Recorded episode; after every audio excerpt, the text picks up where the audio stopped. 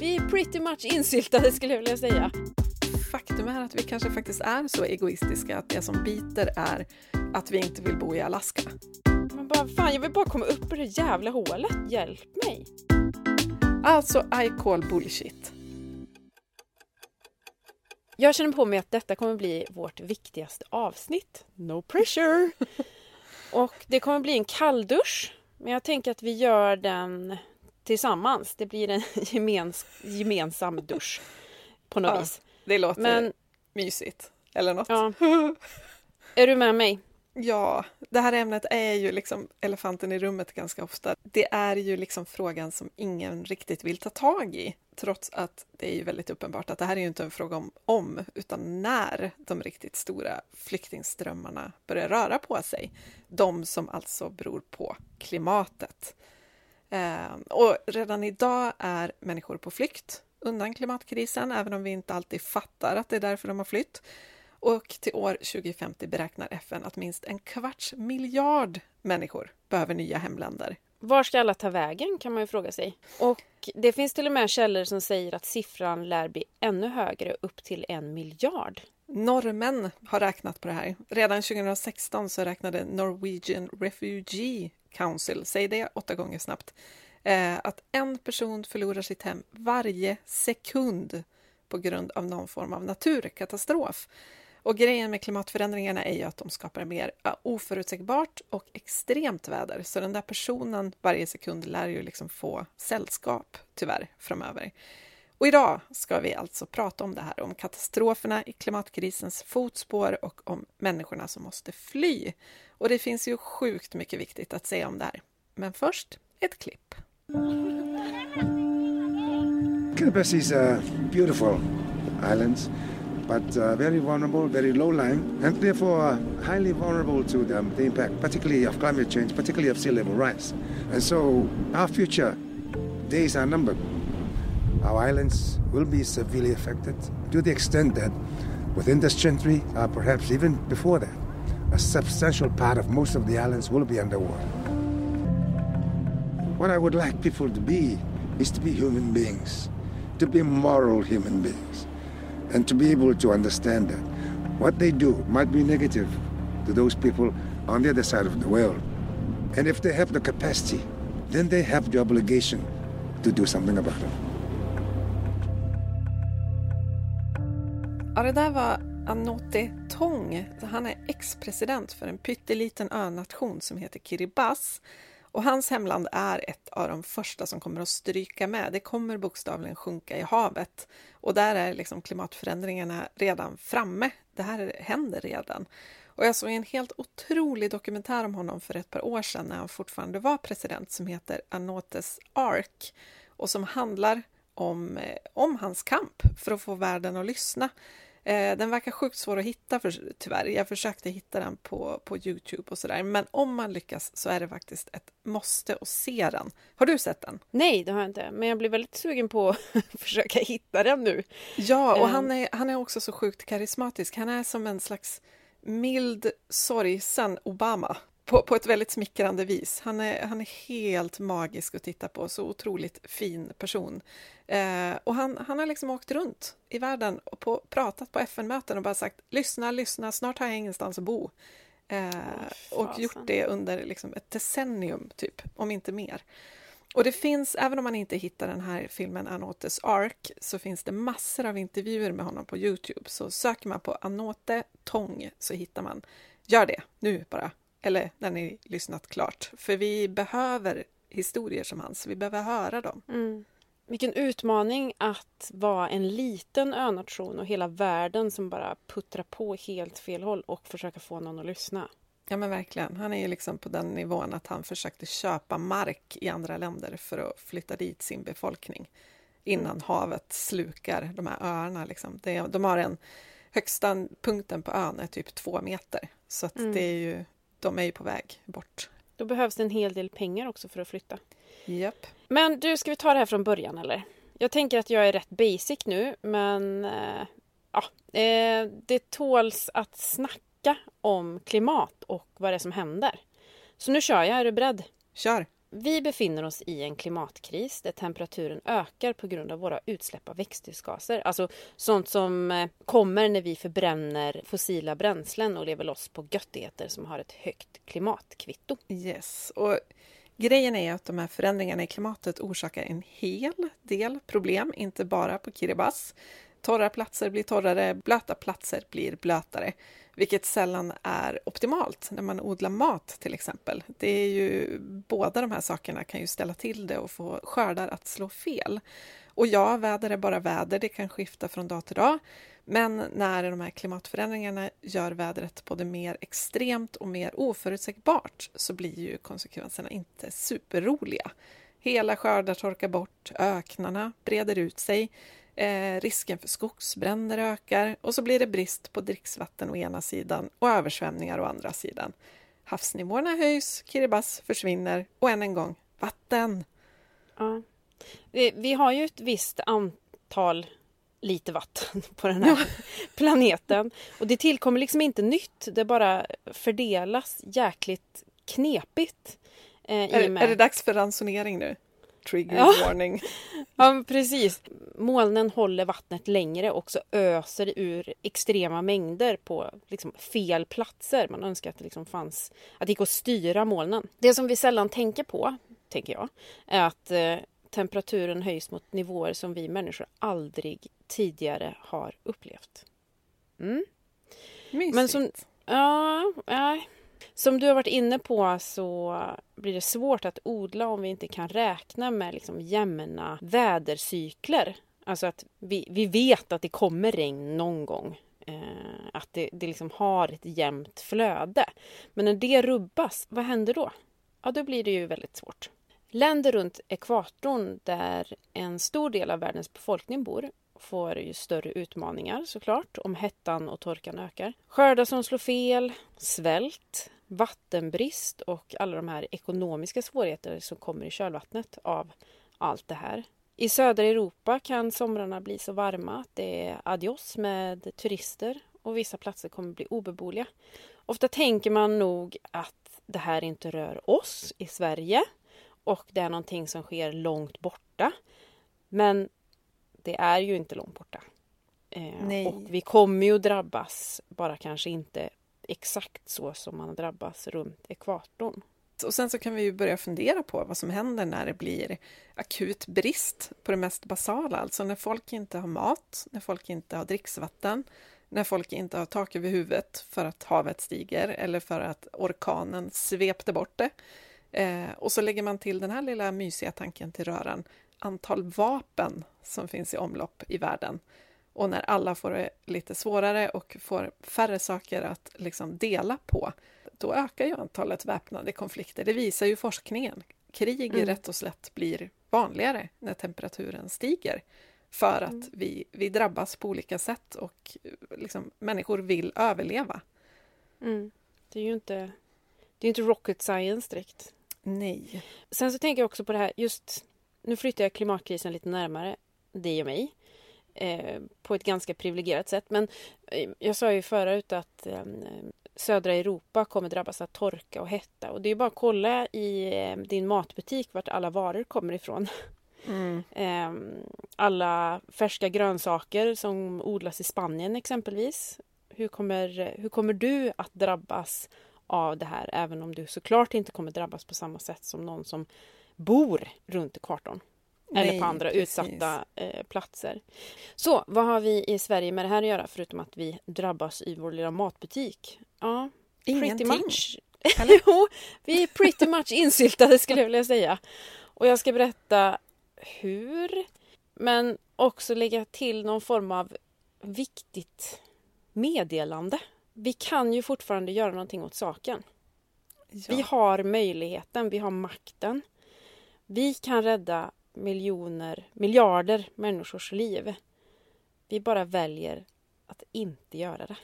Och såklart, lilla Sverige kan kanske inte rädda alla. Men, men alltså, vi är ju en, en väldigt... Alltså, jag, ty jag tycker att vi borde inse vilken så här, förebild vi är för väldigt mm. många länder. Alltså Sverige har status. Mm. Eh, så även om, om liksom 10 miljoner svenskar och lilla landet Sverige och så vidare inte, inte kan bestämma vad USA och Kina och Ryssland ska göra, men väldigt många länder, inklusive USA, Kina och Ryssland, tittar på vad Sverige gör eh, och inspireras när vi, när vi satsar på, inte vet jag, att utveckla cool tech. Ja, men då blir andra länder sugna på att göra detsamma och så vidare. Mm. Och det här kan vi ju använda, det är ju vårt vapen, att föregå med gott exempel.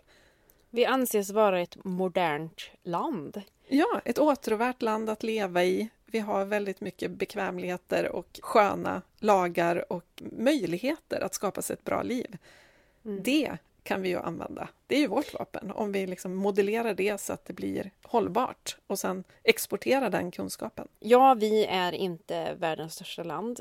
Och som du varit inne på, det är många som kanske tittar på vad Sverige gör. Men sen så är vi också flockdjur. Vi gör som alla andra. Och det här tänket med att, ja men vad spelar det för roll om lilla jag sa 10 miljoner svenskar? Mm. Alltså det är klart att alla utsläpp räknas. Vi har dessutom möjligheten att stå upp för vad vi tror på och säga ifrån utan att vi liksom riskerar att dö. Ja, men exakt. Och sen Till så, skillnad från många vi- andra. Precis, och särskilt som vi, alltså vi kanske är 10 miljoner, men vi lever ju som kanske 50 miljoner Ja men exakt. om man ska räkna ihop utsläppen. Liksom. Eller 80 miljoner om man tänker att vi ska leva på ett ton och nu släpper ut åtta var. Mm. Så, så vi är ju ett stort land om man ser till hur, hur vi lever. Men sen så tänker jag också på det här, tydligen vill vi, eh, inom citationstecken, helst att alla som kommer till vårt land ska vara lönsamma Mm. och, och prata vårt språk och infoga, oss, infoga sig i vår mall för att de ska vara välkomna. Jag, jag tycker det är intressant att vi har liksom mer snack om vilka skyldigheter en människa på flykt har att lyckas integrera sig själv i en helt främmande kultur. Men inte så värst mycket höjda röster kring vårt ansvar och vår roll i den här soppan och liksom vad vi har för ansvar att ta emot dem som drabbas av den livsstil som vi har ägnat oss åt. Mm. Alltså, jag tycker medmänsklighet omtanke och hjälpa, de orden ska trenda lite mer. Yes please. Kan vi, ska vi snacka lite om eh, Sveriges roll i den här soppan då? Vi i Sverige drabbas inte först av värsta klimatförändringarna men vi är helt klart skyldiga till situationen som vi befinner oss i. Vi har varit inne på, vi släpper ut 8 ton per person och år. Vi ska ner till hållbara eh, nivåer på 1 ton enligt FN. På vår väg mot detta gött som vi lever i, alltså den här välfärden, så har vi öst ut mängder av eh, växthusgaser. Det är ju därför vi lever som vi lär. Vi har göttat loss liksom.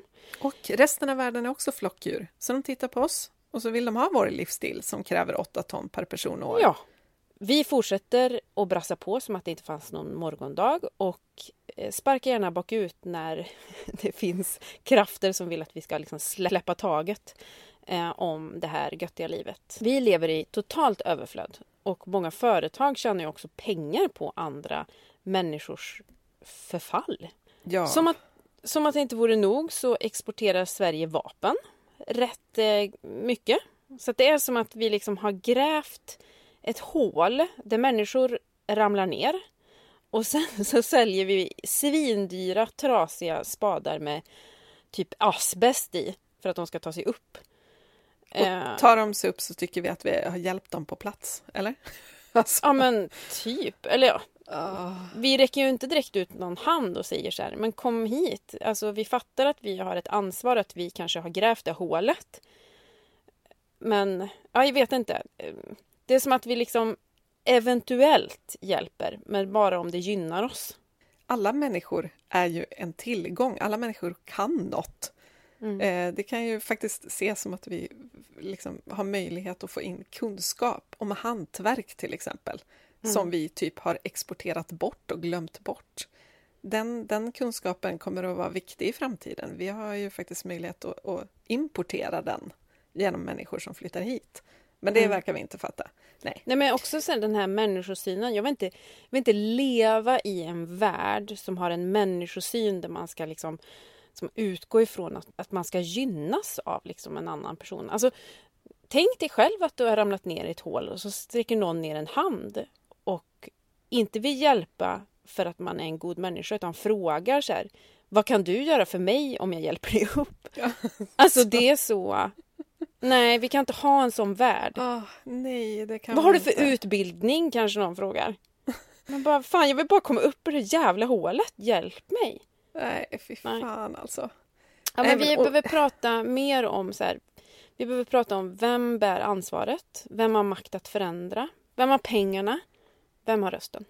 Det verkar ju som att det är lite svårt att nå fram med det här att vi har ett ansvar för människor på andra platser på jorden och att liksom allt hänger ihop och sådär. Men alltså, det, det borde ju snackas lite mer om vad som faktiskt händer här också. Det är inte som att, vi, att klimatkrisen bara hoppar över Sverige och fortsätter till ett annat land. Jag kollade den här DNs klimatkollen som finns online. Enligt den har vi i Sverige redan nått 3,3 graders uppvärmning jämfört med för, förindustriell tid.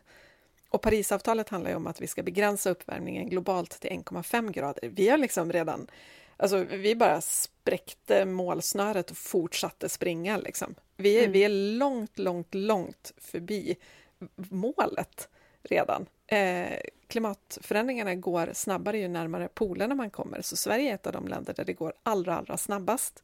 Så att det, är ju så sjukt att det här inte är en grej. Anledningen till att vi inte tycker att det gör något är ju för att vi hade det så pass svalt från början.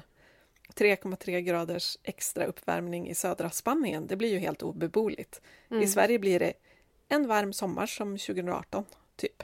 Mm. Eh, så att vi, vi, har ju, vi är i sån sjukt privilegierad sits där vi faktiskt kan ta 3,3 graders uppvärmning utan att det egentligen stör jättemycket.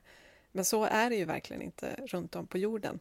Nej, precis. Och klimatförändringar sker ju liksom inte jämnt fördelat över jordklotet utan tyvärr är det så orättvist att platser som redan har oroligheter överlappar ganska vasst med platser som drabbas av klimatförändringarna. Alltså att ja, men det finns en korrelation däremellan. De människor som har, bri- de människor som har bidragit minst till den här soppan de drabbas först och värst. Och mest utsatta är kvinnor och barn. Ja, och där har vi ju pratat mer om, till exempel i våra, vårt dubbelavsnitt om kvinnor. Så där kan man också lyssna på om man vill veta lite mer. Men åter till Sverige då. Folk verkar acceptera att vi, vi har de här 3,3 graderna. Det blir lite varmare. Det låter ganska gött. Växtzonerna flyttar norrut så man kan odla vindruvor i Gävle så småningom och så där. Det kanske är ganska fint. Men vi har ett problem också. Och det är att Golfströmmen just nu är svagare än på 1600 år enligt forskarna. Det är ganska Eh, mycket. Det är ganska mycket. Och den har redan mattats av med någonstans mellan 10 och 20 procent. Eh, och vad betyder det här då? Jo, om vi inte får stopp på klimatförändringarna, då kan Golfströmmen gå ut i strejk. Den bara tvärstannar. Och då stängs Nordens centralvärme av. Eh, Då kommer det bli inte varmare, utan kallare här. 5 till 10 grader kallare. Och det kanske låter lite surt och inte hela världen, men det är 6 grader som skiljer oss från den senaste istiden. 5 till 10 grader är inte ett bra spann att befinna sig i. Ehm, så vi skulle få minus 50 på vintern. Det skulle vara som Alaska. Alltså. Hur många värmetörstande, Thailands älskande svenskar pallar det? Ja. Kan det vara ett skäl att börja bearbeta klimatkrisen kanske, även om det är ganska gött här just nu? Om det lades mer fokus på det, undrar om det skulle hända mer? Även om jag önskar att det här solidaritetsargumentet var det som bet, att man bara säger kolla vad som händer på andra sidan världen när vi beter oss så här. Eh, vi måste hjälpa andra människor. Men faktum är att vi kanske faktiskt är så egoistiska att det som biter är att vi inte vill bo i Alaska. Mm. Är jag, är Ja. jag cynisk nu? Ja, det är jag. Men det Ja, känns som att jag har, men- har mina skäl, typ. Ja men precis, man undrar, man, man vill ju liksom fäkta hejvilt och se vad som fungerar. Ja, alltså, För exakt. det är ju inte så att det är inte så att det händer saker jättesnabbt i det här landet just nu. Nej, verkligen. Jag, jag tycker det känns som att vi blir omkörda av typ alla. Jag vet att vi fortfarande rankar högt i vilka länder har om, ställt om samhället mest och så vidare. Där ligger vi liksom högt upp hela tiden. Men allting sker i så lagom takt. Mm. Eh, när vi faktiskt behöver springa som satan. Så jag, jag tycker att vi blir omsprungna av länder som tar mycket mer radikala beslut, som vågar göra det. Eh, och jag tror, det kanske inte märks så mycket än, men om tre år, då tror jag det är väldigt uppenbart att vi bara sitter och, och rullar tummarna här. Jag tycker att vi ska prata mer om den här synen på Sverige som ett modernt land, för jag börjar ifrågasätta den big time. Ja. Jag tycker att vi är... Alltså jag börjar skämmas för att jag bor i ett land som inte gör tillräckligt snabbt. Jag, jag skäms redan för att vi aldrig har haft en kvinnlig statsminister. Ja. Det är ett annat avsnitt, men det skäms ja. jag för. Eh, ja. Det känns inte så jädra modernt alltså. Ehm, och jag tror, om jag ser vad som händer runt om i världen, att det kanske hade hänt lite mer om vi hade haft en kvinnlig statsminister. Det här pratar vi faktiskt om i vårt avsnitt om kvinnor. Ja. Omtanken om framtiden och nästa generation. Eh, så lyssna på det. där pratar vi mer om kvinnor, klimat, kvinnliga statsministrar och presidenter och så vidare. Men om vi inte gör tillräckligt för att vända klimatkrisen så kommer en tredjedel av världens befolkning, 3,5 miljarder människor, inte miljoner, 3,5 miljarder människor att leva i ett klimat som liknar Saharas om 50 år. Vill du bo alltså, där? Nej, jag vill inte bo i Sahara och jag vill inte bo i Alaska. Nej, är, det, som... är det kräset av mig eller? Nej, som bekant så är det väldigt få just som bor i Sahara av en anledning. Det är ett av eh, de mest glesbefolkade områdena i världen just nu för att det är så tuffa förhållanden. Och Men det... det är verkligheten om 50 år, om vi inte gör någonting. Det är liksom ett livsstilskoncept som kommer att exporteras till väldigt många områden. Mm. Eh, det känns inte jättebra. Om 50 år, då är mina barn 58. Eh, jag är 94, jag tänker att jag är någorlunda pigg. Alltså, bara tanken på att 3,5 miljarder människor är på flykt då, för att en så stor del av världen är obeboelig, det går liksom inte att ta in. Mm. Det är ju min livstid. Vi snackar liksom inte science fiction här, vi pratar ju min livstid. Och det är liksom mm. den värld då som mina förhoppningsvis framtida barnbarn ska hantera. Det här är jobbigt att tänka på. Och jag tror att det är just därför som många slår bort tanken och börjar lägga kläder i någon eh, webbshopskorg istället för att oh. gå in i det här tanken. För att det skaver. Man kanske känner att man inte gör tillräckligt. Man skäms. Man känner att man kanske inte lever som man bör leva. Jag tror man bara slår bort tanken. Alltså det gör jag. Alltså så här, ja, men, om man börjar kolla på någon härlig tv-serie på Netflix istället. Mm. För att det är för jobbigt att ta i. Det är därför jag tänker att vi ska göra den här kallduschen tillsammans. För vi behöver prata om det här. Ja, det, är inte, Men, det, det, var inte så att jag så här, klev upp i morse och kände gud vad mysigt poddavsnitt vi är på gång att spela in nu. Utan äh, det här gruvade jag mig lite för. Men ja. det, det får jag ta som privilegierad människa i ett rikt land som släpper ut jävligt mycket. Att det inte snackas mer om klimat är ju ett mysterium på grund av eh, typ eh, ganska skitviktigt för mänsklighetens överlevnad och framtidsförutsättningar. Men att vi inte pratar mer om effekterna, ja, det gör den här babblande värmlänningen totalt stum. Ja. Nej, men istället så snackar vi om senaste TikTok-hypen. Alltså det är typ överallt. Vi snackar nya It-mattan och så slötittar vi på A Place in the Sun på tv där frusna, bleka britter söker värmen i södra Europa. Alltså det är så en galen värld och den är så... Oh, hur ska man bryta igenom det bruset av fel? Alltså, ska man vara krass, att köpa ett hem i södra Spanien nu, mm. inte så jädra bra framtida investering. Eh, eh, det kommer en uppföljarserie på det där A Place in the Sun sen som heter A Place in the Oven eh, som, som kommer att visa hur de här britterna har det lite svettigt. Vill komma tillbaka? Ja, kanske. Exakt. Undrar hur det går med Brexit Då och allt. stänger vi gränserna, vet du. Ja. Alltså, hur, hur ska vi förhålla oss till... Om, om det nu går så här, då kommer vi ha 3,5 miljarder på flykt om 50 år. Hur ska vi förhålla oss till det? När vi i Sverige är helt safe. Det kommer ju påverka oss också. Det kommer vara blött i Värmland och så vidare och Falsterbo, hej då. Men liksom, här kommer det vara beboeligt om 50 år, eh, mm. fast på ett annat sätt. Liksom. Och så är vi ett stort glesbefolkat land. Mm. Det är ju inte ett alternativ att stänga gränser då, kan jag tycka. Och det går inte att hjälpa på plats när, när liksom alternativet är 50 grader varmt. Mm. Det, och så måste jag säga det här. och, och gud vad det här blir ett rant-avsnitt. Nu kommer allt som... som kör! Liksom, kör bara, kör! Ja. Främlingsfientliga partier, välkomna hit, hoppas ni lyssnar. De är alltid klimatförnekande, vilket är så himla ologiskt. Den här tanken har jag tänkt många gånger. Om man står politiskt så långt till höger att man inte vill hjälpa människor i nöd eh, och att man liksom värnar om den här rätten att omge sig med människor som ser ut som en själv. Det är jätteviktigt. Alla här ska prata perfekt svenska och se ut som jag gör. Så eh, om man, om man liksom prioriterar det högre än att vara en rimlig medmänniska, då borde man ju lägga allt krut på att lösa klimatkrisen. Så man slipper mm. hantera 3,5 miljarder människor med en annan hudfärg kanske. Jag, jag tycker det, det, är ju rimligt. Det borde vara deras prio ett. Men an, man ser ju aldrig några skarpa klimatförslag från de partierna.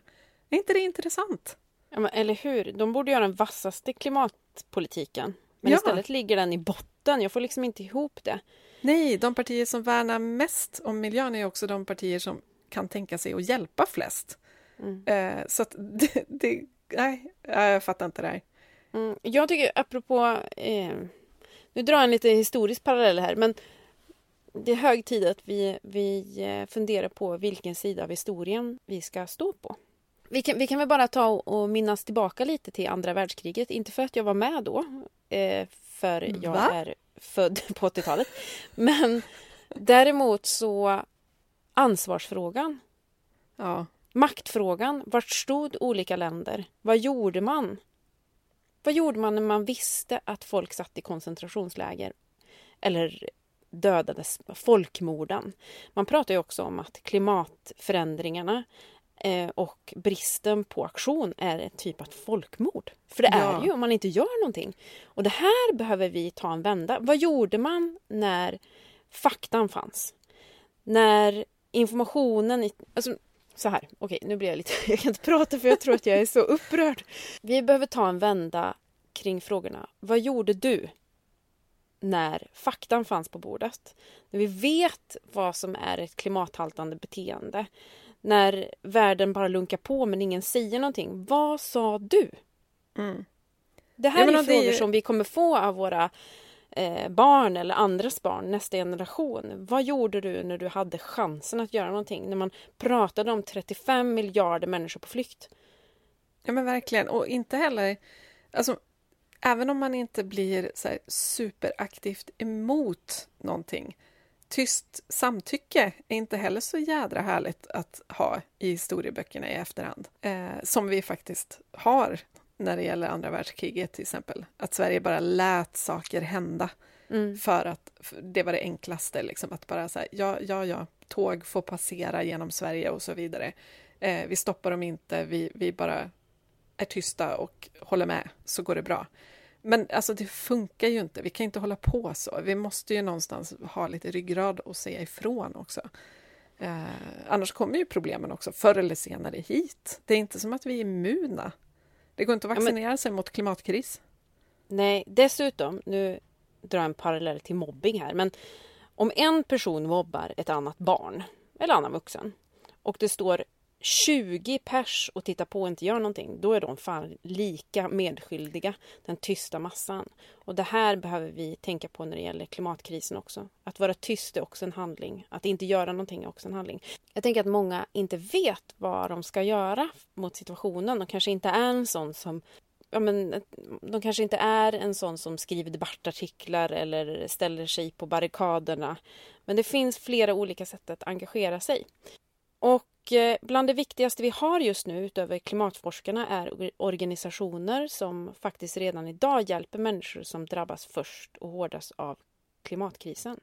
Diakonia som vi samarbetat med även i avsnitt 6 som handlade om kvinnor och avsnitt 10 som handlade om cykling är med oss igen, vilket vi är så glada för. Ja, Diakonia är alltså involverad i en rad olika projekt runt om i världen som både räddar och förbättrar livet för människor som inte har de här gynnsamma förutsättningarna som vi har här i Sverige.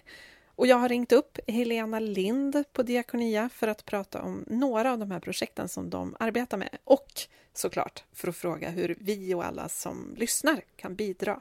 Nu lyssnar vi.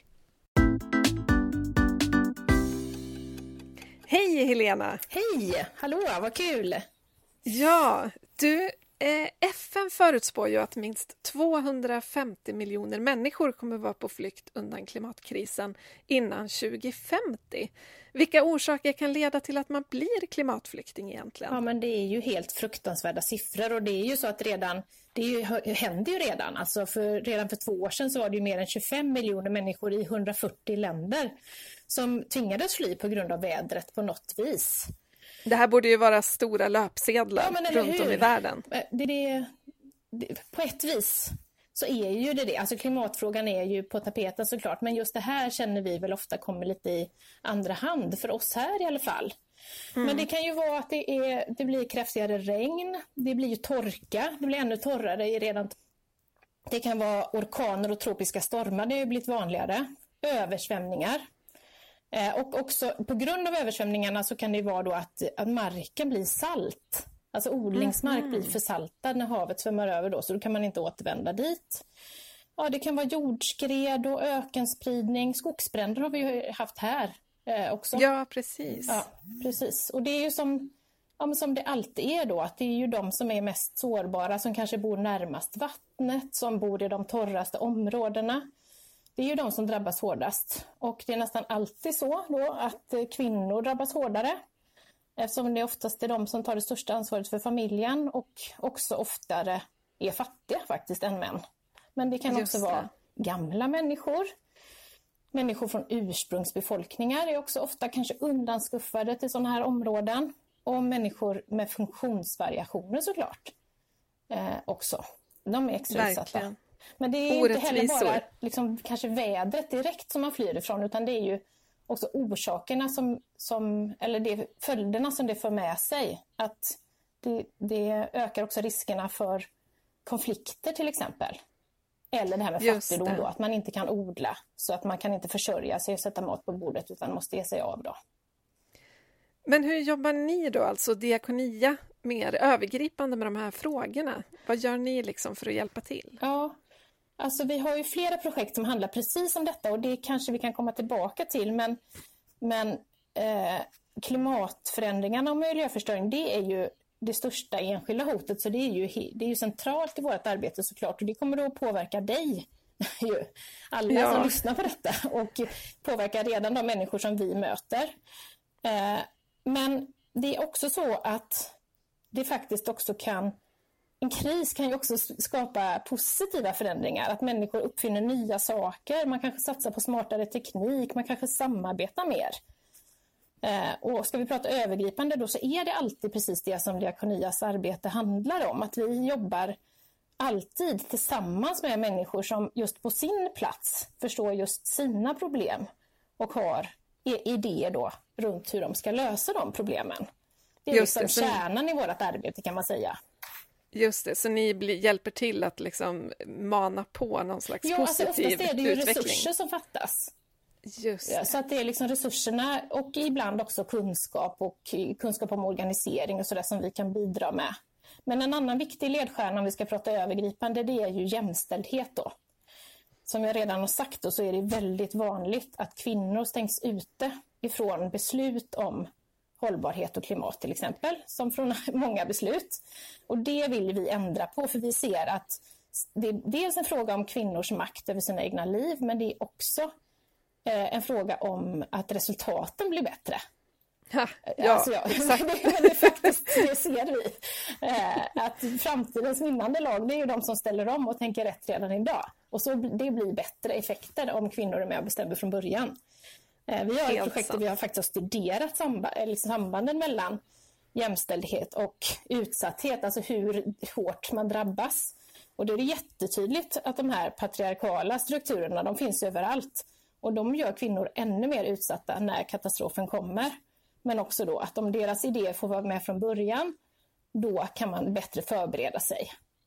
Just ja. det. Men du, nu blir jag ju jättenyfiken på mer konkreta projekt här. Jag har hört någonting om ett växthusprojekt i Somalia till exempel. Ja. Kan du inte berätta lite om det? Absolut. Eh, ja, men Somalia, jag tror du kan tänka dig, och många av de som lyssnar får säkert upp en bild i huvudet av hur torrt, ett torrt land liksom, redan från början. Eh, och också eh, konflikter och naturkatastrofer. Det kommer torka varje år, sandstormar och det är väldigt, väldigt svårt att odla. Och nästan alla är också beroende av att odla för sin försörjning. Många, väldigt många lever i fattigdom. Och då så har vi startat ett projekt här där vi bygger växthus. Eh, eh, växthus av nät, för att det är också de här sandstormarna då. Så det är växthus av nät ah. eh, som, gör, som gör att de kan stå kvar då. Eh, växterna får skugga. Och det är också eh, olika klimatsmarta sätt att odla då. Man får lära sig om hur man kan rotbevattna och om naturgödsel. Och sen har de installerat också droppbevattning i de här växthusen då. Eh, det gör att fukten stannar kvar och så torr mark blir odlingsbar. Så det är ju ja, men det är helt magiskt att se detta i ett land där vatten är en sån bristvara. Och det är ju det kvinnor där... då som bygger de här växthusen och kan odla till sig själva, sin familj, men också få en skörd då som de kan sälja. Just det, ja. och det blir, en, en, eh, det blir en kombination av resurser och kunskap ja. helt enkelt. Ja, verkligen. Ja, precis. Eh, men sen har vi det där motsatta kan man säga, det här klimatrelaterade problemet när människor som är beroende av det vatten som finns, som finns. alltså i glaciärerna till exempel, och så smälter glaciärerna och där händer ju till exempel i Peru. Precis. Där har ni också ett projekt. Ja. Eh, det har vi och där är det ju så att ja, det här är ju helt hemskt för det har ju gått så fort. På tio år har ju ja, men mellan, man räknar med mellan 80-90 procent av de här stora På tio glaciär. år? Ja, försvunnit. Herregud. Ja, ja. ja, men det är fruktansvärt. Men det finns ju också i de här, alltså det är ju människor som lever ett hårt liv, alltså väldigt eh, högt upp eh, i bergen. Eh, och då helt beroende då som du sa av det här vattnet som kommer från smältvatten från eh, de här glaciärerna. Och när det försvinner så blir det eh, jättestor vattenbrist då. Men det finns också väldigt mycket gammal kunskap där som de själva nu eh, då eh, satsar på att sprida och hitta på olika smarta lösningar för att ta tillvara det vattnet som finns. Mm. Till exempel så finns det gammal kunskap om hur man bygger dammar och tar tillvara regnvatten och hur man bygger liksom system för att sprida det här vattnet till odlingar på olika sätt. Och sen så finns det också en urgammal planta som är, de kallar för eh, Mother of Water. Som, ja, men alltså som man, Kvinnor som man, igen. Ja, absolut. absolut. Som man planterar runt alla eh, källor och där det finns vatten och som liksom samlar vatten och drar till sig vatten. Eh, så de här olika smarta lösningarna eh, sprider sig nu också då mellan byarna och sådär. Och en jätteviktig del i detta är att kvinnor, ju, eftersom det är de som har största ansvaret för familjen och för vattenhämtningen. Så det påverkar ju dem jättemycket. Om man måste gå långt för att hämta vatten till exempel, deras arbetsbörda ökar. Men nu har de börjat organisera sig då och sprida den här kunskapen. Eh, och då är ni där på plats och hjälper till ja. helt enkelt? Ja. ja. Men du, nu, nu blir jag får ju lust att hjälpa till här ja, och det får säkert några hugga i. Och då är det säkert fler som lyssnar på podden som också vill bidra till det här. Hur gör man för att hjälpa till? Ja, Eh, och jag tänker att eh, om man lyssnar på den här podden, eh, då är man förmodligen en sån person som inte har blivit rädd och uppgiven av klimatfrågan, som är lätt att man kan bli. Eh, utan man vill vara med och förändra, till exempel genom att lära sig mer. Och då tänker jag, det gör man ju genom att lyssna på den här podden. Men att stötta de här projekten, det är väldigt lätt. Och eftersom klimatfrågan är ju en fråga som både är akut, alltså som skapar katastrofer, men som man också måste jobba med på lång sikt. Ju. Eh, och då är det ju det allra bästa att stötta varje månad såklart. För då vet man, jag har satsat på det här, det här vill jag stötta, jag blir månadsgivare. Eh, jag ger den här lilla pengen varje månad för en långsiktig förändring. Så det är det allra bästa tycker vi. Eh, att bidra till de här smarta lösningarna som gör att människor överlever nu men också får en bättre framtid. För, för, också för, för alla, för oss och hela planeten. Och det kan man bli genom att gå in på er hemsida ja, då? Diakonia.se. Men det går såklart att swisha också. Det finns swishnummer också på webben. Perfekt. Du, tack snälla Helena för allt bra ni gör och för att vi får vara med och bidra till det här också. Men tack för att vi får vara med. alltså jag är så otroligt tacksam för att de här aktörerna som Diakonia finns. För det är så sjukt frustrerande att liksom höra om hur människor drabbas av olika naturkatastrofer och inte göra något, inte kunna göra något för att hjälpa. Men genom att skänka pengar till exempelvis Diakonia, då kan jag ju liksom göra något. Även om det känns futtigt att swisha från soffan, liksom, så är, jag kan ju bidra. Ja, det är hög tid att göra vad vi kan utifrån våra egna förutsättningar. Ge pengar, engagera sig ideellt, puffa bekantskapskretsen i nya tankar genom att berätta vad vi gör, skriva debattartiklar men också förstå sambanden och dela dem vidare. Ja, och jag har swishat till olika Diakonia-projekt nu när vi har samarbetat med dem och så stöttat cykelprojektet i Bangladesh och sådär.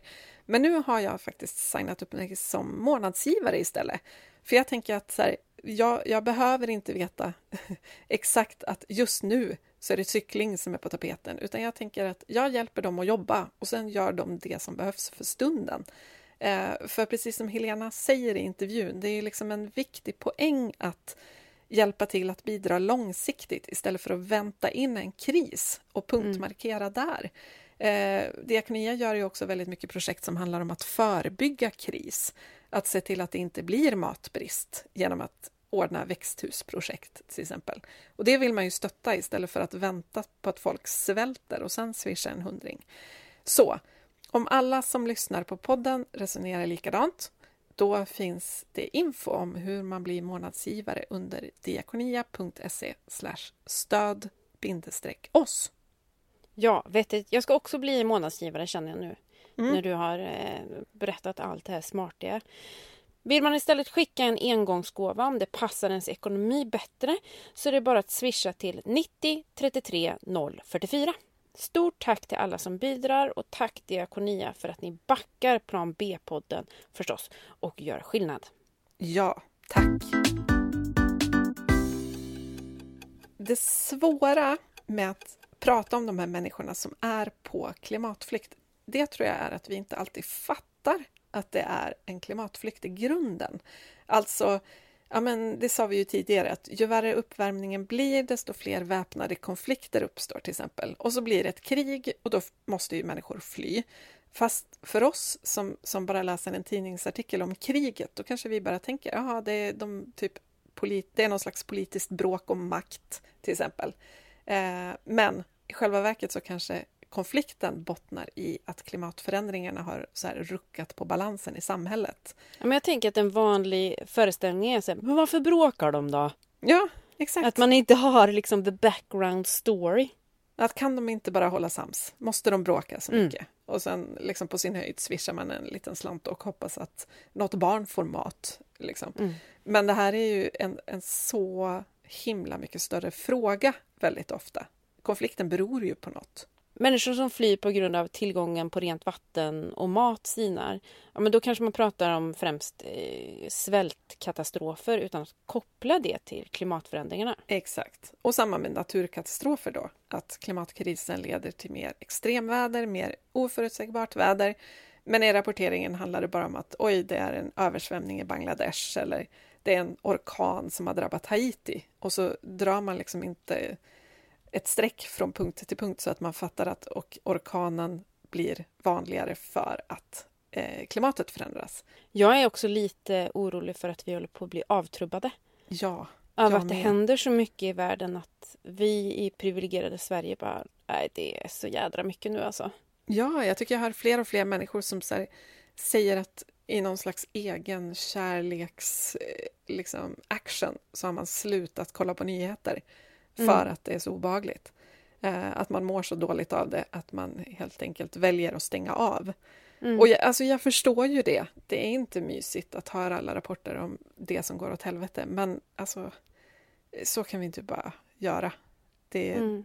det, man måste inte följa varje nyhetssändning slaviskt, men man får inte stänga av helt, tycker jag.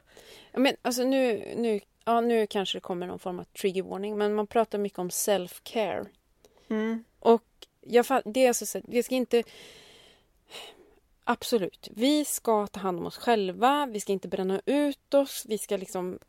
Men vi ska hålla, det är jätte, jätte, jätteviktigt. Alltså inget snack om saken. Men vi behöver också lägga en tanke på de som inte har möjlighet till någon form av self-care överhuvudtaget. Precis. Alltså, jag önskar att vi kunde lägga mer tid på viktiga saker. Ta ett steg från hela det här konsumtionssamhället och trender och liksom lägga tid på vilken nyans det ska vara på väggarna och liksom hela det här liksom bubblan vi lever i och liksom höja blicken en aning. Ja, och man känner så här. Jag kollar på nyheterna, jag vill ta in det som händer, men det enda som händer är att jag blir ledsen och apatisk. Ja, nej, då, då måste man ju förändra någonting. Men då kanske det snarare är att börja engagera sig så att det här nyhetsflödet liksom får ett, ett syfte. Jag lär mig om någonting så jag bättre kan agera. Liksom. Mm. Om man bara sitter och matar sig själv med nyheterna utan att göra någonting, då är det klart att det bara blir deprimerande. Liksom. Mm. Men sen så tänker jag också på det här, nu har vi pratat om att eh, en klimatflykting kan vara någon som svälter för att skördarna slår fel, det kan vara någon som flyr ett krig för att väpnade konflikter blir vanligare i klimatkrisens spår och så vidare. Men det finns ju också den här mildare formen av konsekvens, alltså att klimatförändringarna förändrar förutsättningarna så att människorna måste flytta på sig, till exempel för att det blir lättare att odla längre inåt landet där det är svalare eller liksom, ja, men för att de måste byta jobb för att klimatkrisen har gjort det omöjligt att försörja sig som bonde, till exempel.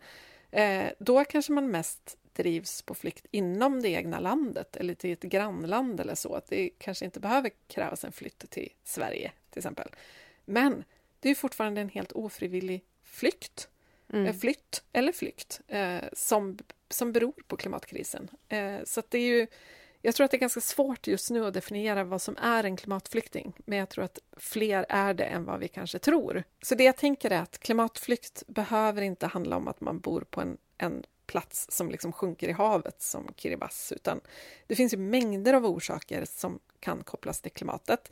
Och här som journalist så måste jag säga att media måste bli lite bättre på att sätta saker i kontext. Alltså, kanske skulle vi behandla klimatkrisen mer som en kris om vi fattar hur mycket den ställer till med. Mm. Vad tror du?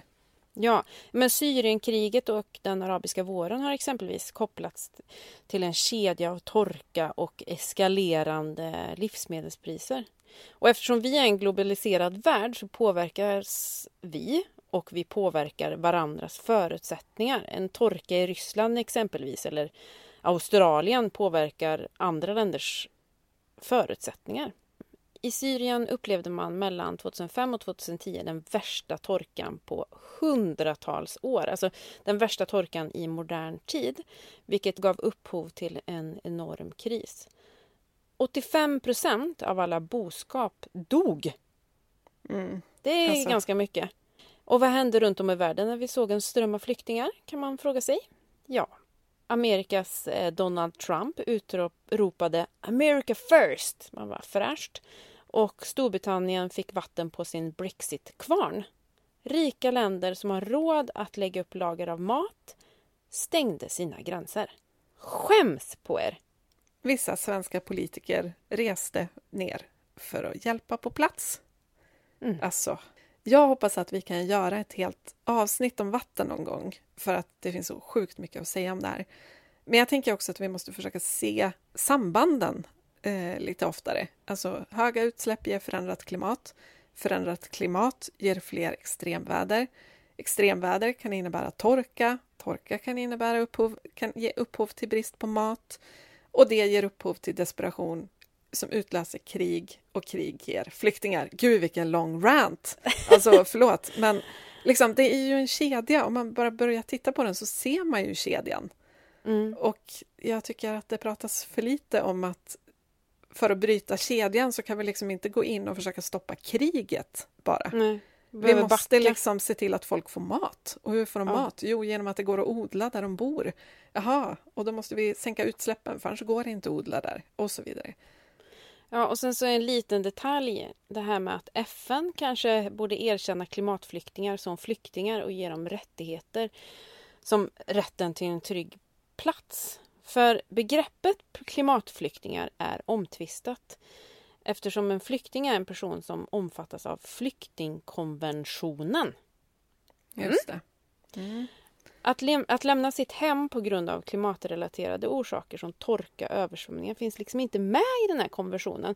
Vilket gör att de inte har samma rättigheter som en person som flyr från en konflikt. Trots att konflikten beror på klimatet, till exempel. Ja, Så att man Så- måste vänta in kriget innan det är okej att fly. Ja, men det är ju jätterimligt. Nej. ja. Så här, jag har ingen mat, jag har ingen vatten. Och nu måste jag invänta en konflikt för att liksom ha på fötterna för att liksom få en trygg plats. Är Nej, vet li- någon vad. Ja, alltså vi måste ju uppdatera saker här så att de hänger med i eländet. Liksom. När vi planerade det här avsnittet, då tänkte vi ju först att vi hade ju velat låta någon som hade tvingats på flykt undan klimatkrisen komma till tals. Det här är ju egentligen inte vår berättelse att berätta. Eh, vi sitter i en extremt privilegierad sits. Vår önskan är egentligen att alla klimatflyktingar ska kunna berätta sin historia. Det skulle bli ett jättelångt eh, poddavsnitt. Men som tur är så finns det en person som redan har samlat in berättelser från människor på flykt undan klimatkrisen. Shora Esmailian skrev boken Ur askan om människor på flykt i en varmare värld redan 2012 och jag har pratat med henne. Ska vi lyssna? Det ska vi absolut göra. Hej Shora! Hej! Du har ju träffat människor på flykt undan klimatkris. Vilket möte påverkade dig mest? Ja, det var så många. Um, alltså, framför allt så, så drabbades jag av att träffa så himla många starka kvinnor runt om i världen som är de som bär allting på sina axlar. Kvinnor som, som bär sina barn både i magen och utanför magen när de är på flykt. Och kvinnor som, som föder i diken eller i, i tält som rasar över dem. Eller kvinnor som äter sist för att deras familj ska eh, få i sig mat och näring. Eh, och runt om i hela världen Eh, Eh, jag var ju i Egypten, i Pakistan och eh, i Kenya och Afrikas horn. Så var det ju verkligen de här människorna som, som inte haft någon som en skuld i frågan men så, som drar det tunga lasset helt enkelt. Så det var väldigt drabbande. Men det som kanske var den jobbigaste historien, för när jag, när jag intervjuar människor på det här sättet så, så är jag med dem i några veckor. Jag vill liksom lära känna dem. Jag vill också ge dem chansen att, att eh, få ett förtroende för mig. Eh, så det var en familj som jag träffade återkommande i eh, ett slumområde utanför Nairobi som heter Korogocho. Och där bodde en mamma med sin dotter. Hon hade varit boskapsskötare i, i södra Etiopien och efter att ha förlorat alla sina djur, hennes man hade dött några år tidigare, efter att ha förlorat alla sina djur så bestämde hon sig för att med sin då 15-åriga handikappade dotter eller funktionshindrade dotter eh, fly tillsammans med sina två lite äldre barn. De äldre barnen klarade sig. De stannade, alltså de var ungdomar och stannade och jobbade i gränsstad mellan Etiopien och Kenya medan hon gick hela vägen eh, med sin dotter som inte kunde gå på ryggen, hade dottern på ryggen till eh, Nairobi och hamnade i ett slumområde. Där så bodde de i ett litet skjul och hon lyckades få tag på jordnötter som hon sålde på marknaden för att liksom klara av att betala hyran för det här lilla skjulet. Och varje dag så låste hon in sin dotter eh, för att gå och, och jobba på marknaden. Och en dag när hon kom tillbaka under den här perioden som jag hängde med dem varje dag så, så upptäcker hon att hennes dotter har blivit våldtagen när hon kommer hem. Att någon har brutit upp det här låset och våldtagit henne. Och det här Ja, det var så fruktansvärt för den här dottern, hon var ju funktionshindrad på det sättet eh, att, att hon inte kunde prata så bra och berätta. Men mamman förstod ju vad som hade hänt och hon fick hjälp av Läkare utan gränser att sätta in HIV-medicin och så vidare. Men det som, det som var så tydligt med det här fallet är hur flykt skapar sårbarhet även på andra sidan. Det är inte säkert att det bara blir bra bara för att du flyr. Eh, man, flyr för att man inte har något val. Det är faktiskt så. Eh, men samtidigt så, så skapas det ju massa osäkerheter som du inte hade hemma där du har ditt nätverk, ditt språk, din, din ja, helt enkelt din kulturella liksom, sammanhang.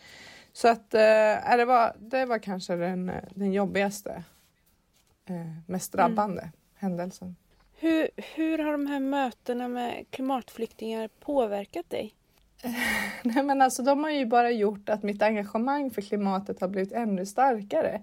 För det, mm. som, det som är så otroligt tydligt som jag nämnde innan är att ingen av de här människorna som jag har träffat har haft någon som helst skuld i frågan. Det här är alltså mm. människor som knappt har haft några utsläpp alls i sitt liv. Alltså, många av dem har inte ens haft el hemma. De har aldrig åkt eh, flygplan, knappt sett ett flygplan. Det här är människor som är direkt beroende av vad marken ger dem eller vad havet ger dem, alltså fiskar eller boskapsskötare eller bönder. De livnär sig på jorden på ett otroligt eh, hållbart sätt och här kommer vi och den rika delen av världen och med våra utsläpp och förstör deras möjlighet till att leva ett liv helt enkelt. Eh, mm. Många av de här människorna berättade ju såklart om fattigdomen och att den har påverkat dem. Men, jag menar inte att glorifiera, men, men många av dem hade ett bra liv. De hade liksom mm. sitt sammanhang och de hade sina djur och de hade sina barn och de hade samma drömmar för sina barn som vi har, att de ska få gå i skolan och, och växa upp och, och vara lyckliga och vara glada.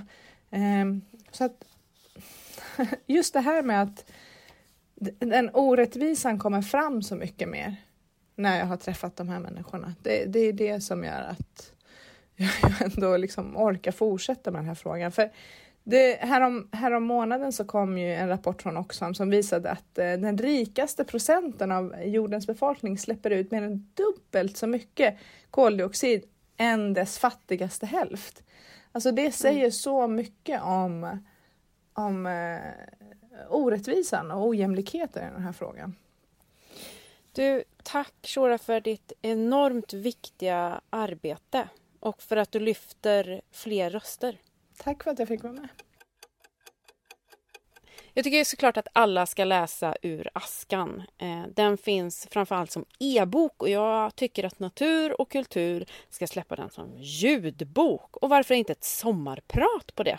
Minst. Ja, verkligen. Och fler berättelser måste få ta plats Ja, det, alltså, det vill jag se. Den SVT-serien vill jag se. Mm. Eh, låta väldigt många röster komma till tals. Var, varför man har flytt. Och mm. Koppla ihop det med klimatkrisen. Prata med någon från Syrien och koppla ihop det med torkan så att folk förstår varför man flyr. Eh, mina föräldrar har hemtjänst, vilket mm. gör att eh, det kommer hit eh, fantastiska människor och tar hand om dem på ålderns höst. Och många av dem som kommer har flytt och mm. berättar sina stories. En person kommer ifrån Syrien och eh, flydde på grund av torkan. Alltså, de eh, bedrev jordbruk och helt plötsligt gick inte jorden att bruka. Och började då flykten mot Sverige som tog ett och ett halvt år. Alltså... Det kan vi ta att begrunda eh, en aning.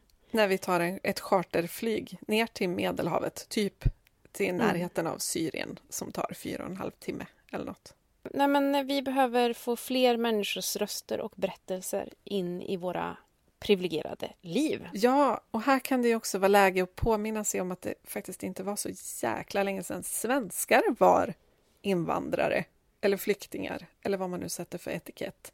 Mellan åren 1851 och 1910 så invandrade knappt en miljon svenskar till USA och ytterligare ett par hundratusen försvann till liksom grannländerna, Danmark, Tyskland och så vidare. Det är nästan en fjärdedel av Sveriges befolkning på den tiden som var Mm. tvungen att lämna landet. PGA-svält. Ja, och vi kallar ju det lite fint för att de emigrerade till USA och så är vi lite så här eh, stolta och tycker det är lite coolt att det finns svensk kopplingar i ett fränt land som USA. Men alltså grejen är ju att ofta handlade ju den här emigrationen om att det under vissa perioder där mellan typ 1850 och 1910 det var sån missväxt i Sverige att folk inte kunde försörja sig som bönder. Och att det dessutom blev väldigt stora svängningar i konjunkturen på grund av det här så att folk förlorade sina jobb till exempel. Och så känner man sig tvingad att försöka skapa sig ett bättre liv någon annanstans. Låter det här bekant eller? Eh, ja. Det känns som att vi tar för givet att klimatflyktingar bara kommer att uppstå i fattiga länder och att vi i rika länder ska ta emot fattiga människor på flykt. Men klimatförändringar skiter ju i landsgränser och BNP. Det är ju helt andra saker som styr.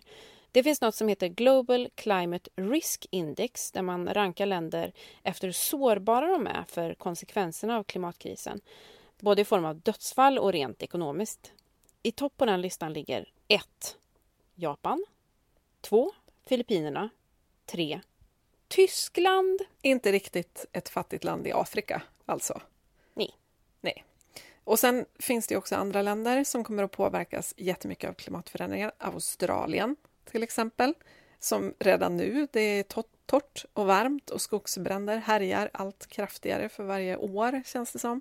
Eh, och där kommer det bara bli värre och värre.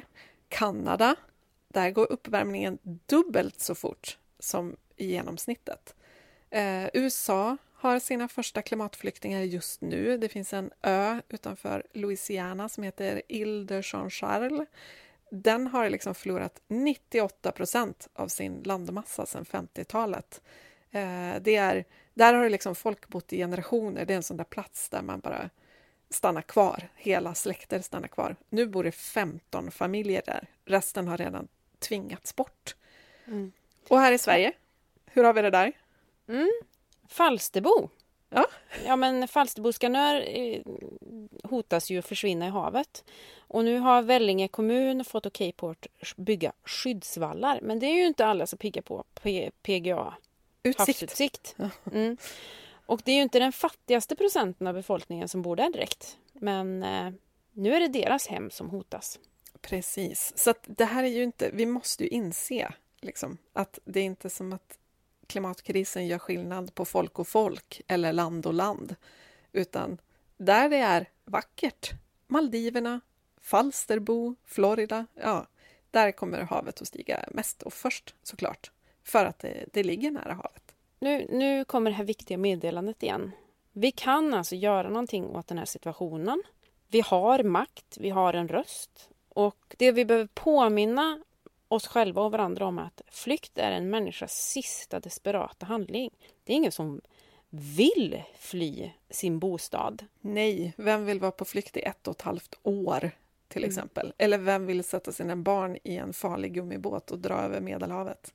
Nej. Det är inte, det, det är liksom ingens, ingens första val. Här någonstans i avsnittet brukar ju vi vanligtvis gå in på lösningarna. Vi brukar snacka om det härliga plan B-livet efter omställningen och så vänder vi och vrider på alla knasiga normer och försöker måla upp någon slags vision av ett bättre samhälle där vi Ja, men vi har fått bukt med matsvinnet och vi har fått ner utsläppen och vi överkonsumerar inte och så vidare.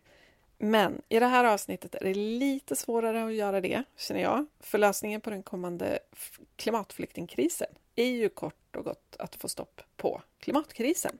Inget annat kommer ju funka. Eh, det räcker inte att bryta några jobbiga normer. Liksom. Så mitt önskemål för plan B-livet efter omställningen, det är ju okej, nu kommer det svordomar. Det är kanske också en trigger warning. Mm.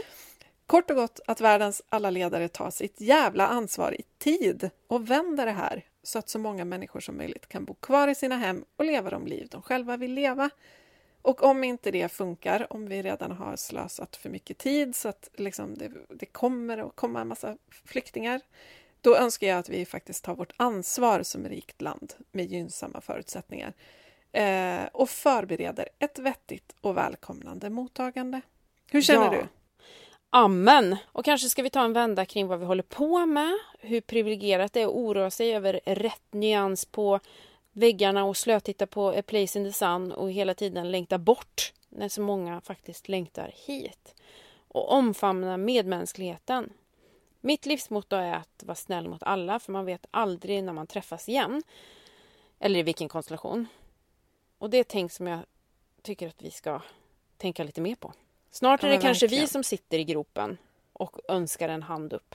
Precis, och då kanske man inte känner att lära sig franska är det mest akuta, utan kanske att komma upp och få ett mål mat. Mm. Hur bra är du på språk, Maria? Ja, alltså hjälpligt. Jag kan ju prata engelska såklart. Jag kan lite, lite skolfranska. That's it. Eh, och jag känner mig rätt ofta lite för gammal för att lära mig nytt också. Men alltså självklart så här. Det är lite tvingas- privilegierat. Eller hur? Ja. Och det är ju någonstans så här, skulle, alltså, skulle jag tvingas bo i ett annat land så vill jag självklart kunna göra mig förstådd och förstå vad andra säger. Att lära sig språket där skulle ju vara det jag helst skulle vilja ha löst igår. Det är inte som att jag skulle vara anti att kunna förstå folk. Eh, det säger väl sig själv. Men det kanske också inte är helt lätt om man inte får den hjälp man behöver för att lära sig det nya språket. Om man till exempel kanske inte alltid heller har fått gå i skolan så mycket i Mm. sitt tidigare hemland. Sen finns det ju de med universitetsexamen. De kommer att ha ganska lätt att lära sig språket om de bara får en chans. Mm. Ja, det, det finns mycket att säga om det här känner jag. Alltså, Ja. Sen framförallt så känner jag där, vi har inte plats. Alltså, I call bullshit. Mm. Eh, vi är ett stort land. Vi är glesbefolkat, så vi är ett litet land när det kommer till befolkning. Men vi är ett stort land med sinnessjukt mycket resurser. Och jag tänker att det handlar så mycket om mindset, om politiker och alla andra för övrigt eh, börjar se människor som resurser och tillgångar istället för hinder så kanske man faktiskt inser att det är ganska bra att vi blir fler på vissa områden i landet. Alltså, i, på många platser i landet så handlar det ju om att det avfolkas och då läggs skolor ner och vårdcentraler ner och det kanske inte finns någon matbutik längre och så vidare och så vidare. Kommer det fler människor så kan man få behålla all samhällsservice. Eh, Så det här handlar ju om att få glesbygden att blomstra till exempel. Hur känner du som bor på landet? Ja, eh, yes please. Jag tänker också att det ska finnas möjlighet rent bostadsmässigt för fler människor att bo på olika platser. Ja, det, är ju, det, det tänker jag ändå är så här A och O för att man faktiskt ska komma in i samhället och känna sig som en del av det. Att man inte hamnar i ett, någon form av utanförskapsområde där man aldrig möts av svenskar ens. Hur ska man Mm. då komma in i, i det, det liksom dagliga livet i sitt nya land? Eh, när jag var liten på 90-talet så kom det flyktingar från Jugoslavien hit till landsbygden som fick eh, bo över i våran gympasal på skolan som jag gick på. För att det var liksom akut brist på någonstans att bo. Det här är ett av mina starkaste minnen från när jag var liten. För helt plötsligt kom det fler barn att leka med. Och vi kunde inte kommunicera med varandra, men vi kunde leka. Vi eh, som gick på skolan, vi blev faddrar för de flyktingbarn som kom. Ensamkommande flyktingbarn från Jugoslavien. Jag har nog aldrig känt mig så nyttig som jag gjorde då. Alltså det var en enormt fin, viktig, lärorik upplevelse att jag hade, jag kommer fortfarande ihåg vad hon hette. Att jag, mitt mission var att hon skulle känna sig välkommen, att, vi, att hon hade någon att leka med, att hon hittade till matsalen och det fanns en medmänsklighet. Du fick ett vuxenansvar. Alltså du fick, fick känna dig stor. Liksom. Ja, och viktig och värdefull. Och jag tycker att vi ska ta en vända kring det här. Och jag är tyvärr osäker på om den typen av satsningar skulle ske idag. Men jag hoppas verkligen att det skulle ske. Att man använde en gympasal till exempel. Mm. Och använde de mänskliga resurser som fanns. Nu var vi små barn och fick ett jättestort och viktigt ansvar. Men det gav oss någonting. Alltså jag hade också, när jag gick i, i låg och mellanstadiet då kom det ganska många flyktingar från Sydamerika. Chile minns jag att vi hade barn från till exempel. Eh, det låter som att jag är hundra år äldre än dig nu. Det är ju nästan. eh, men det, och vi hade nästan varje ny termin så kom det också ett nytt barn till klassen. Men, och det kan jag känna så här i efterhand, jag hade precis samma upplevelse som du, att det var liksom något stort och spännande som hände och det kom en ny kompis. Det blev lite nästan huggsexa om vem som får sitta bredvid den nya tjejen eller killen och så vidare. Alla liksom hade en väldigt positiv attityd, vill jag minnas. Det som jag däremot tycker var sorgligt var att jag tror att min kommun, det här förstod jag förstås inte då, men jag tror att vår kommun var lite av en sån här mellanlandningskommun. Mm. Det vill säga att det kom folk hit och sen fick de en ny placering någon annanstans. Mm. Så att vi fick bara behålla den här nya kompisen i en termin och sen ersattes den kompisen av en annan ny kompis som också var mm. trevlig och härlig. Men så här i efterhand kan jag också känna lite att så här, vad sorgligt att den personen inte fick stanna kvar. Fick ja. behålla sina nya kompisar, fick liksom fortsätta gå i den här lilla eh, gulliga svenska så här, villaförortsskolan. Mm. Eh, för att jag upplevde det som, och det är, ju, det är ju såklart en tolkningsfråga där inte jag har någon slags företräde för att de här barnen kanske inte alls kände sig så välkomna som jag hoppas att vi fick dem att känna sig. Men mm. jag vill minnas att det inte alls handlade om att de på något vis blev utstötta för att de kom och inte kunde språket, utan alla var peppade och tyckte det var spännande. Och då, det är ju en bra start på ett nytt liv, tänker jag. Men det var ju samma sak eh, där jag växte upp, alltså ett medelklassamhälle som var ett tillfällighetsboende. Mm. Och varför blev det inte det permanenta boendet? Alltså, Exakt. Alltså, det måste ju någonstans finnas en mänsklig hantering där. Och den har ju säkert förändrats från när vi var små till nu. Men jag är inte mm. helt säker på att den har förändrats till det bättre. Nej. Nej. Men sen tycker jag också så här, där måste jag också säga, eh, det här med att vi inte har plats. Alltså, det är, det är väl bara att jämföra länders yta och befolkning idag. Sverige är gigantiskt. Tyskland är mindre än Sverige. De har 82 miljoner invånare. Mm. Storbritannien är jättemycket mindre än Sverige. De har över 60 miljoner invånare. Va, vad har vi för argument för att vi inte har plats, undrar jag. Mm. Jag får inte ihop matematiken som säger att nej, det är trångt här. Ja, nej, inte ah. heller. Ska vi gå på lista eller? Vi har ju en lista. Fem sätt att lära sig mer om klimatflykt. För det här eh, behöver vi prata mer om. Och på första plats, eh, vi tipsar igen.